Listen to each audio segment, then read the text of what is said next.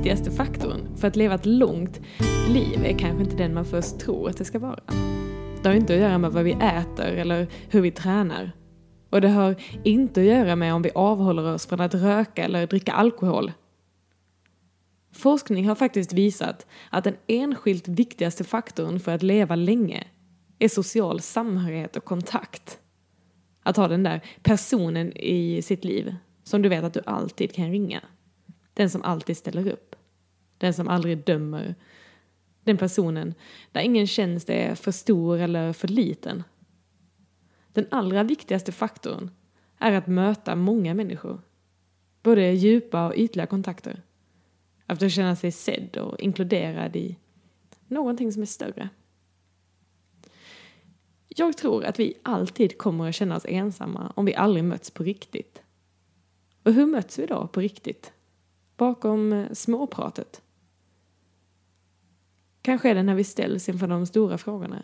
När livet blir viktigt. När fasaderna rasar. När gränserna suddas ut. Där vi alla är lika. Där tror jag att vi kan mötas. På riktigt. Först när vi är i balans med oss själva. Först när vi älskar oss själva. Då kan vi älska andra. Den gamla klyschan är kanske inte så tokig. Men kanske handlar det också om vem vi är i den här världen. Om vi är bra människor eller inte. När vi har förmåga att ställa oss lite utanför oss själva. Och när vi har vår etik och moral på plats. Jag vill återigen poängtera att yogan startar långt innan vi ställer oss på våra mattor. Patanjali puttade nämligen in etiken och moralen allra först av allt av de åtta stegen till balans innan asanas positioner, pranayama, andning eller meditation så kommer ju faktiskt inget mindre än de etiska riktlinjerna, yamas och niyamas. Hur vi bör förhålla oss till världen och till oss själva. Ett förhållningssätt att luta sig tillbaka på för att inte gå vilse. För att aldrig glömma det som är viktigt, på riktigt. Något som hjälper oss att hamna på banan igen. Orientera oss. Något som hjälper oss att vara de där goda människorna. För vår egen skull. För varandras skull, men framför allt för världens. För om inte det är på plats, hur ska vi då någonsin kunna finna ro på djupet? Så vilka är då de där åtta stegen? Yamas. Vem är du i den här världen? Ahimsa. Att inte skada. Och det går långt utanför det där att inte vara elak. Vad betyder det egentligen? Att varken skada sig själv eller någon annan. Att inte göra någon illa, varken i tanke eller handling. Att vara snäll mot sig själv. Det handlar ju också om att skippa de där höga kraven. Inte pressa sig själv. Ta vara på sina egna gränser. Vara ärlig. Vara tydlig med dem. Våga säga nej. Yogamattan speglar gärna oss själva och hur vi fungerar i livet. Om vi pressar oss i livet så pressar vi gärna oss själva på mattan också. Och det blir så tydligt i yogan. Ett resultat av det vi gör. För om vi yogar på det sättet, utifrån prestation och inte utifrån känsla, då går kroppen sönder. Vi kan fråga oss själva, ofta, vad vi gör och varför vi gör det. För vems skull, egentligen. Hur ofta gör eller tänker vi något som faktiskt skadar oss eller någon annan? Medvetet eller omedvetet? Steg två, satya. Att leva i ärlighet. Att våga säga sanning. Att våga se sanning. Att våga säga också det som är lite obekvämt. Att våga säga även det som ofta blir osagt. Att våga vara genuin, öppen, ärlig, på riktigt. Att våga lita på ärlighet, leva i ärlighet. Steg tre, asteja. Att inte stjäla mer än materiella ting. Att inte ta någonting som inte är vårt. Och att faktiskt ta vårt eget ansvar. Att inte stjäla av en annan persons tid eller energi för att vi själva inte tar ansvar för, för vårt eget. Brahmacharya. Att använda vår sexualitet på rätt sätt. Att ta vara på sin sexualitet. Se till det fina och det gudomliga i den. Att dela den bara med någon som förtjänar den. För sin egen skull inte för någon annans. Att inte använda sexualitet eller sexuell energi för att få någonting, för att bli bekräftad eller för att vara snäll mot någon annan. Utan äga sin egen sexualitet och använda den klokt. Aparigraha, att våga släppa taget, att våga gå vidare, att inte hålla fast i någonting. Att acceptera att allt förändras. Både det bra och det dåliga kommer försvinna, för livet är ju i ständig förändring. Och ingenting vara för evigt. Att våga ge, vara generös, göra sig av med saker, släppa. Att våga gå vidare. Att våga vara öppen. Att våga släppa taget om identitet och form, ego. Niyamas handlar om vem du är gentemot dig själv. Det börjar med saucha, renhet. Att omge sig med sånt som är rent, ren energi, ärlighet. Sådant som är naturligt. Att ta bort sådant som skadar oss utifrån och inifrån. Gift i mat och gift i sin omgivning, negativa tankar, personer som försurar vår tillvaro. Santosha. Var nöjd med det vi har. Att kunna leva här. Att sträva fram, sätta upp mål och ha våra drömmar. Men aldrig glömma att det är resan dit som är målet. För om vi inte är nöjda nu så kommer vi inte att bli det när vi har fått den där drömpartner, det fantastiska huset eller nått toppen av vår karriär heller. Se till allt det vi faktiskt har, inte det vi inte har. Och kunna vara nöjd, oavsett vad vi får. Var tacksamma för allt. Gå bort från dömandet av vad som är bra och vad som är dåligt och se till det som är. Finna acceptans i det, oavsett innehållet. Tapas. Att våga följa vår passion, vår glöd.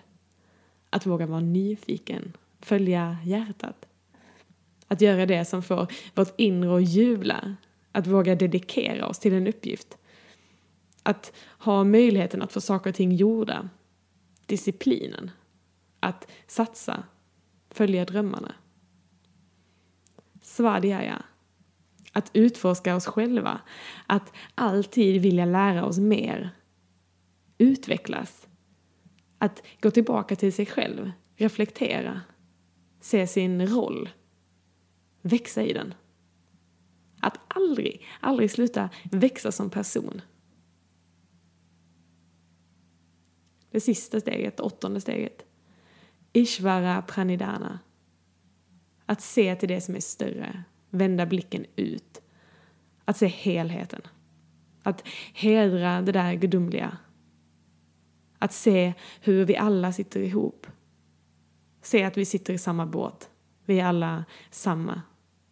Att våga lita på att det finns någonting som är större än oss. Att det, våga lita på att det finns en mening i allting som sker. Att vara trygg i livet, att våga ge sig hän. De åtta stegen handlar inte om några regler för att bli accepterade eller för att vara god för någon annan. Det handlar om riktlinjer för att må bra. Riktlinjer för att hålla sig på rätt spår.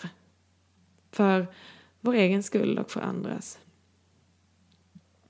Jag tror inte att äkta självkärlek egentligen handlar om att känna sig bra utifrån prestation. Det handlar inte om att uppnå någonting, komma någonstans eller bli någonting speciellt. Jag tror att äkta självkärlek, det är när vi kan sätta oss ner, luta oss tillbaka och vara nöjd med att bara få finnas till. Och jag tror att vägen dit är enklare genom att vara en bra människa i den här världen än genom att prestera för att vara duktig. Ibland känns det som att vi har uppfattat allting fel. Vi strävar åt fel håll. Vi tävlar och mäter. Vi sätter oss över varandra istället för att bara vara.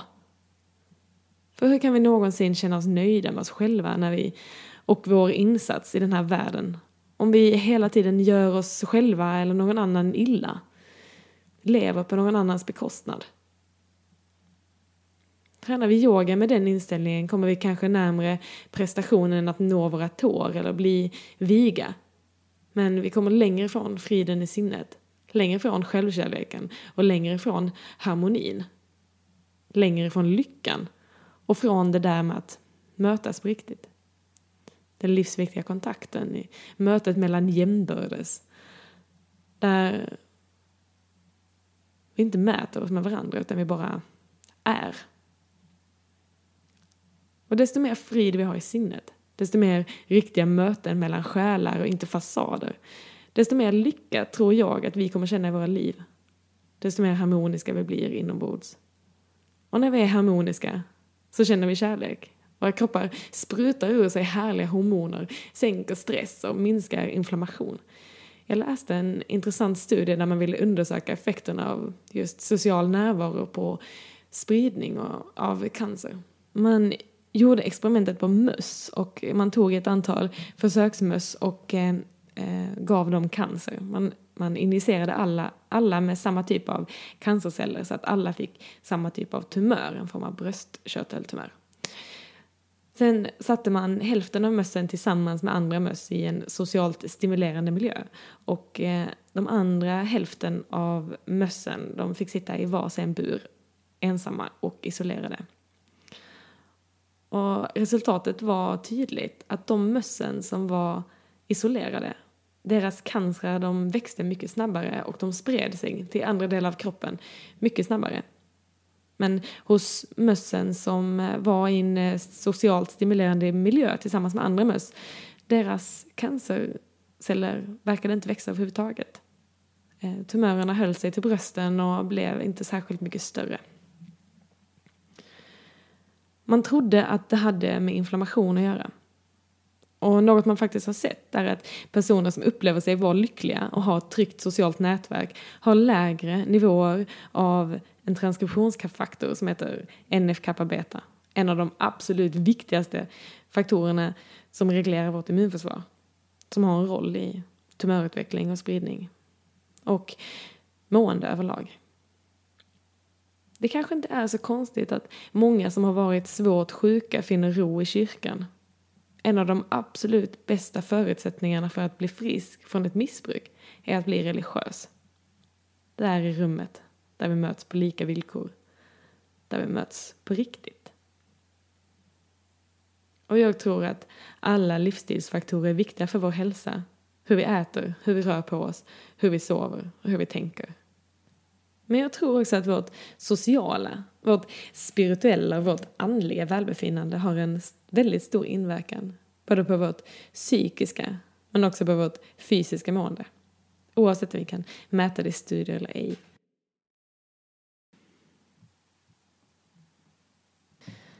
En annan sån där viktig faktor för vårt välmående, för vår allmänna lycka, det är vår förmåga att kunna känna tacksamhet. Vår förmåga att känna tacksamhet för också sådant som vi kanske inte borde känna tacksamhet för. De där små sakerna vi tar för givet. Eller kanske till och med det som känns riktigt meningslöst eller fel eller jobbigt just nu. Så ett bra sätt att öka sin egen lycka det är att varje dag påminna sig själv om det vi är tacksamma över. Det är också någonting som får oss att se lite utanför oss själva Se till det som är större, se vår roll i den här världen. Och det är en väldigt bra övning att göra för att öka sin tacksamhet är att känna tacksamhet och känna mer tacksamhet.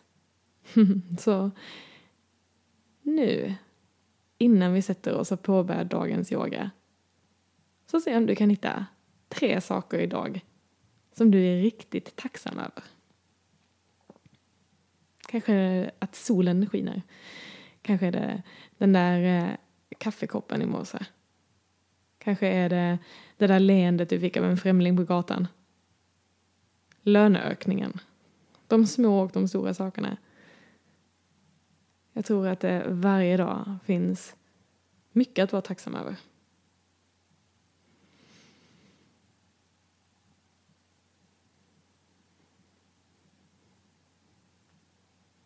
Om du vill så ge dig själv en liten utmaning nästa vecka. Att varje dag skriva ner minst tre saker som du är tacksam över. Det här är faktiskt en övning som man har gjort många studier på och som visar att vi blir lyckligare och vi får högre nivåer av serotonin och dopamin om vi gör den här övningen regelbundet. Det blir också lättare för oss att hitta andra saker vi är tacksamma för om vi väl bara börjar att sätta igång den här tacksamhetsspiralen. Så när du har hittat dina tre saker som du är tacksam över idag så kan du sätta dig ner och sluta ögonen. Och kanske så tar du och lägger en hand på din bröstkorg och en hand på din mage. Eller båda dina händer på din bröstkorg eller någon annanstans på din kropp där du känner att du kan vända ditt fokus in. Kanske kan du skicka den där tacksamheten in. Kanske kan du just nu också känna lite tacksamhet över att bara få vara.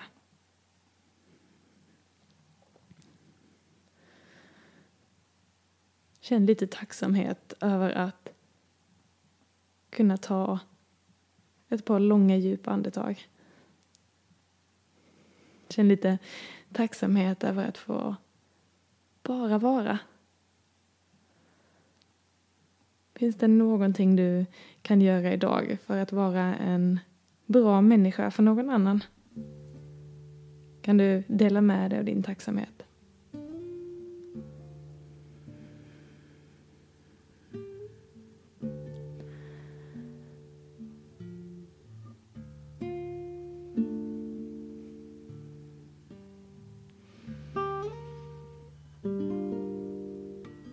Se om du kan förlänga ditt andetag. Kan du andas in tacksamhet?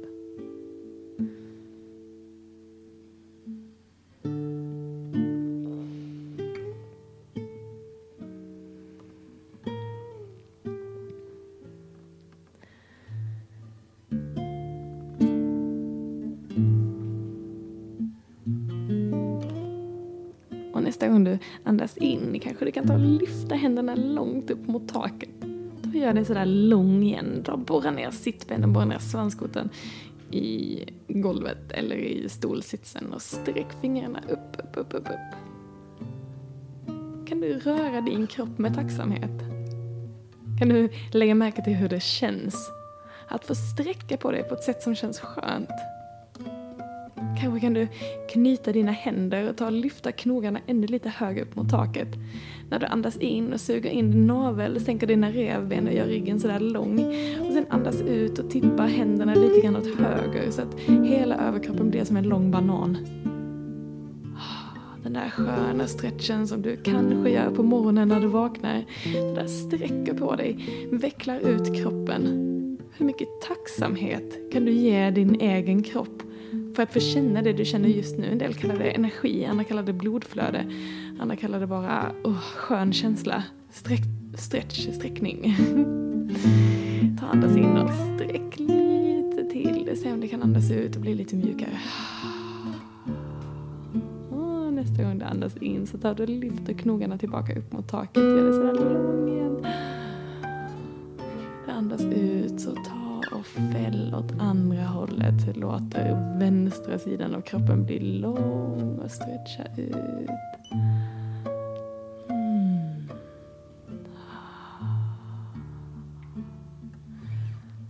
Och känn vart ditt andetag landar i kroppen nu. Känn om varje inandning kan ta öppna upp ännu lite mer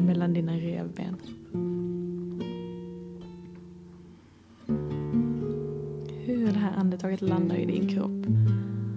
Du kan fortsätta att andas in tacksamhet, röra dig med tacksamhet.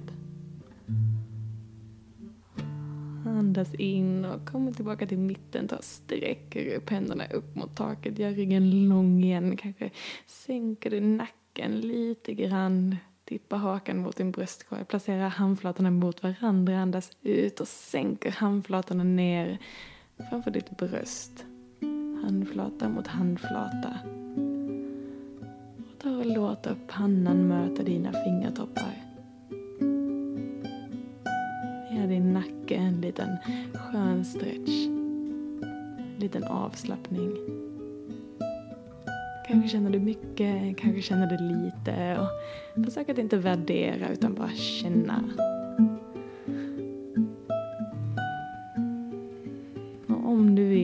Känns bekvämt nästa gång du andas ut så ta och fäll hela överkroppen ner mot golvet.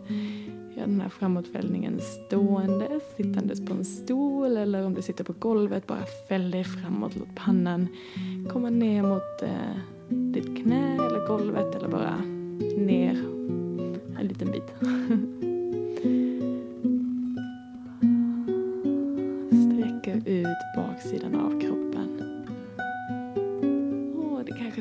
stretar och det kanske tar emot men kom tillbaka till ahimsa. Att inte skada. Inte skada dig i tanke, inte skada dig i handling. Du är perfekt precis som du är, precis där du är så är det perfekt. Vi är inte på väg någonstans. Contentment, santosha. Aparigraha. Att vara nöjd med det vi har. Oavsett vad.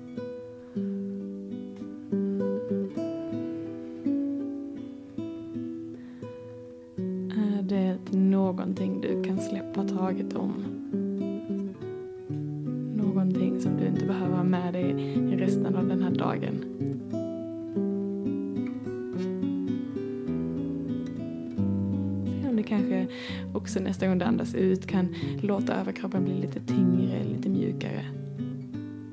Kanske gunga lite grann på dina höfter fram och tillbaka. Se om pannan, huvudet kan bli ännu lite tyngre. Överkroppen blir ännu lite tyngre.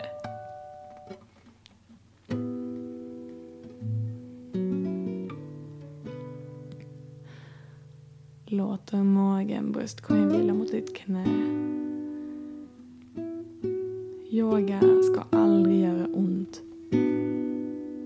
Som gör ont är ahimsa.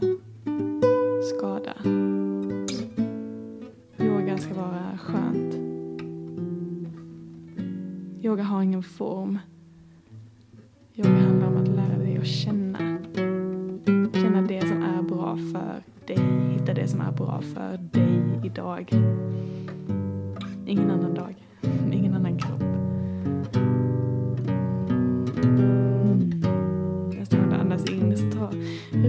Försiktigt kota för kota igen.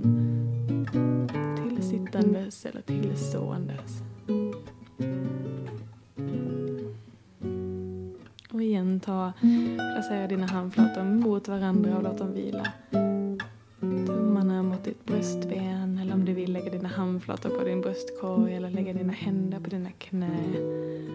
Låt dina händer vila någonstans på din kropp.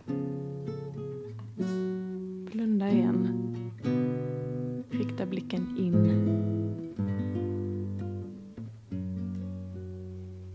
Det är där när vi riktar blicken in som vi lär oss om oss själva, när vi kommer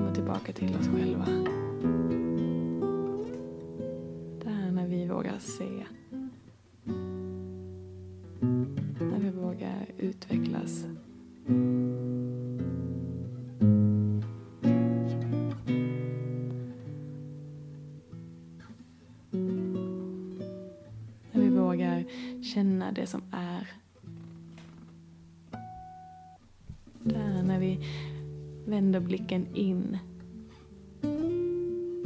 Ärlighet. Det som är precis vad det är. Vi behöver varken göra det större eller mindre. Mer eller mindre. Det som bara är. Hur känns det att sitta här i din kropp just nu?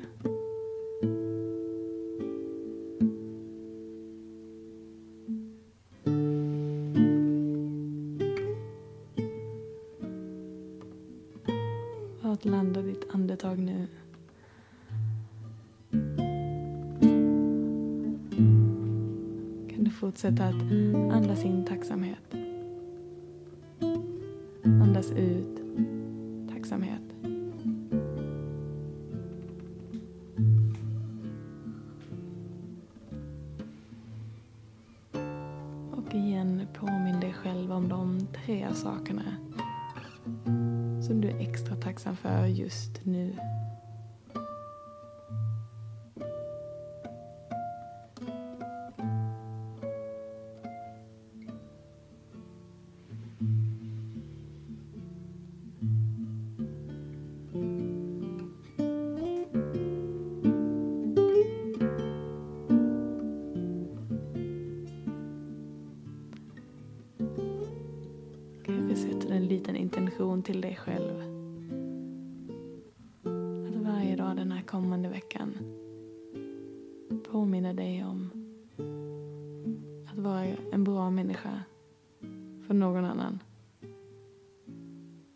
se till det som är lite större än dig själv. Att se sanning, att tala sanning. Att känna tacksamhet. Och vara nöjd precis där du är. Och reflektera om, över hur det får dig att må.